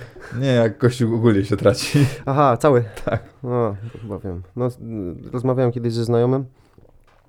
Nie będę mówił, gdzie pracuje, no jest spawaczem. No i y, mówi, że tam po prostu różne dziwne rzeczy się dzieją na zakładzie. No i mają nawet przygotowany gdzieś tam y, pojemnik z lodem, jakby, Aha, jakby co? było jeszcze co zbierać, nie? Aha, No. no. Także to, to niestety tam się dzieje. Przy, No. przy tego typu zabawach. No właśnie. No masz niebezpieczną robotę tak naprawdę, no bo musisz cały czas być skoncentrowany raz na tym, co ty chcesz zrobić, a dwa na tym, żeby się właśnie nie pieprzyć. No właśnie, plus wiesz, y, no okulary ochronne, wiesz, to jest jednak e, podstawa, wiesz, słuch i tak dalej, maski. E, Można się nawdychać, nie? Z tego, tego świn, świństwa tak, całego. tak, tak, no wiesz, nieraz mi się zdarza, że nie wiem, nie ubiorę jej na chwilę i, i, i już wyciągam z nosa, wiesz. Na czarno później. No właśnie, nie? No. E, albo taki moment, że wiesz, stoję pod tą szlifierką i nawet jak mam okulary i jakiś wiesz, opiłek mi pod okularem gdzieś tam siądzie i no i już w oku, nie? Mm. Niezbyt miłe. E, to, to był mój, nie moja zmora, jak pracowałem na, na, węg- na, na, na, na tym koksie e, i odszedłem od paleniska, żeby sobie, wiesz, przetrzeć oczy, ściągnąłem okulary i w tym momencie koks wystrzelił, nie? Idealnie pff, w oko, nie? Ja mówię, kurde, no jakim cudem w ogóle to akurat w to, w to, w to miejsce poleciało, nie? Więc to był też taki moment, że dlaczego przestałem że, że, wiesz, też pracować na tym koksie, on zawsze gdzieś tam odstrzelił i tak dalej, co nie było miłe. Eee, no ale wiesz, właśnie słuchawki, wiesz, no bo to jednak cały czas jest, jest, jest dosyć głośno. Mm, okulary ochronne, no i, no i ta maska, nie? Się No i to nie jest też element ceny tak naprawdę w tym wszystkim, no bo ryzykujesz gdzieś tam swoje zdrowie, No tak, nadwyrężasz się, no Dokładnie, i, dokładnie. i też jak będziecie chcieli kupić nóż od Przemka, to bierzcie to pod uwagę. No tak. No, to jest istotne. Przemo, dziękuję bardzo za rozmowę. Chciałem, żebyś mi na koniec jeszcze wspomniał, y, gdzie można obejrzeć Twoje prace, je- jak można zamawiać. E, wiesz co, najlepiej jest sobie wejść na mojego Instagrama. To jest Silesia podłoga custom, podłoga śmietana. E, tam jest wystawionych większość, jak- nie wszystkie moje prace na ten moment. E, no i wiadomości prywatnej, bądź strona internetowa silesiacustoms.pl. E, no i tam też jest kontakt do mnie. Tam też jest kilka moich prac, po prostu takie ogólnikowe prace pokazane. E, no i to są dwa takie najlepsze, najlepsze sposoby, jak, jak się skontaktować. Wiadomość prywatna tu albo tam. Na stronie jest podany, podany numer telefonu, więc będzie można sobie przedzwonić. I przy okazji pooglądać to, co już zrobiłeś. Dokładnie, no. Wybrać sobie, potem wiesz, kwestia dogadania się, wycena, no i, i robota. I na mamuta też się można załapać. Tak, w tym momencie ma się załapać Może nawet polskiego mamuta. na mamuta, na bursztyn, na koralowiec. To są trzy rzeczy, które mam akurat na ten, na ten moment, więc od wyboru do koloru. Pisać, dzwonić. Tak, dokładnie.